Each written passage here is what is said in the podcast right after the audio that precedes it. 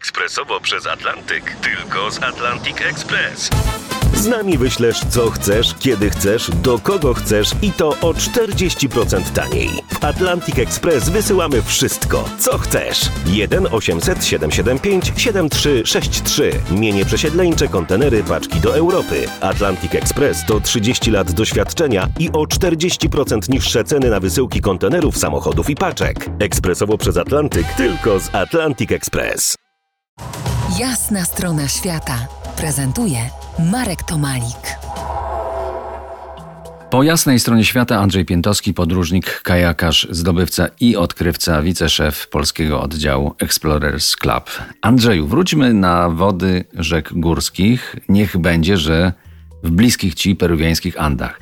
Na wodzie w trudnych, ekstremalnych warunkach pracuje się zespołowo. Jeden za wszystkich i wszyscy za jednego. I chyba nie da się inaczej.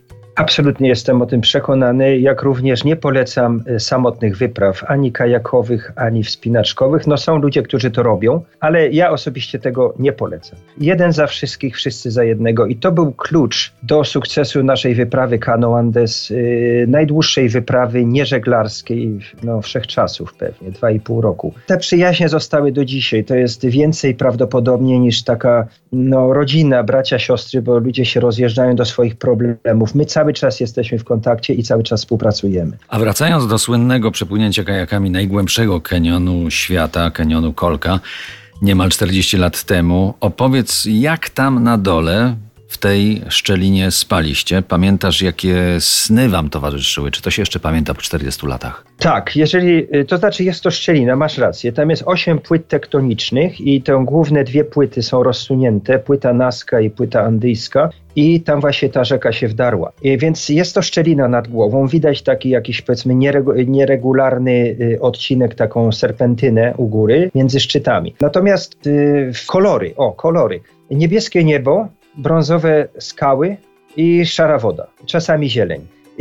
Wyobraźmy sobie, że już po dwóch dniach nikt z nas nie słyszał grzmotu wody. My mogliśmy, pierwsze dwa dni to po prostu z, musieliśmy krzyczeć do siebie. Później y, mówiliśmy do siebie no, bardzo cichym głosem. Jakieś takie filtry się uruchamiają w głowie. Noce były nieprawdopodobne, bo byliśmy no, w sumie wyspani. Tam noc trwa 12 godzin od 6 do 6, y, więc y, ja akurat spałem y, na odwróconym pontonie. Obok mnie spał Stefan Danielski, żeglarz, który dołączył do naszej wyprawy. No i snuliśmy przeróżne opowieści, marząc o przyszłości kanionu, o ochronie przyrody, o parku narodowym i tak dalej. Potem pojawiał się księżyc, nie zawsze, bo ta wyprawa trwała miesiąc, więc te fazy księżyca były różne. Oświetlał jedną ścianę, przechodził później, oświetlał drugą, znikał. Zapanowała ciemność, tak ciemność, że na droga mleczna, konstelacje, gwiazdy, to po prostu była jakaś taka lampa nad naszą głową, która, no już to światło nie dochodziło jakoś, tylko oświetlało którąś też ze ścian kanionu.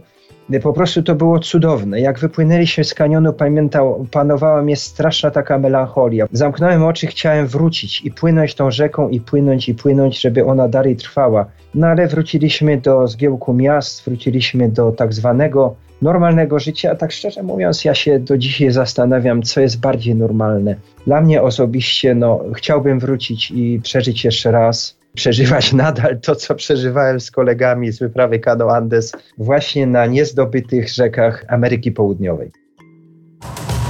To jest jasna strona świata w RMF Classic.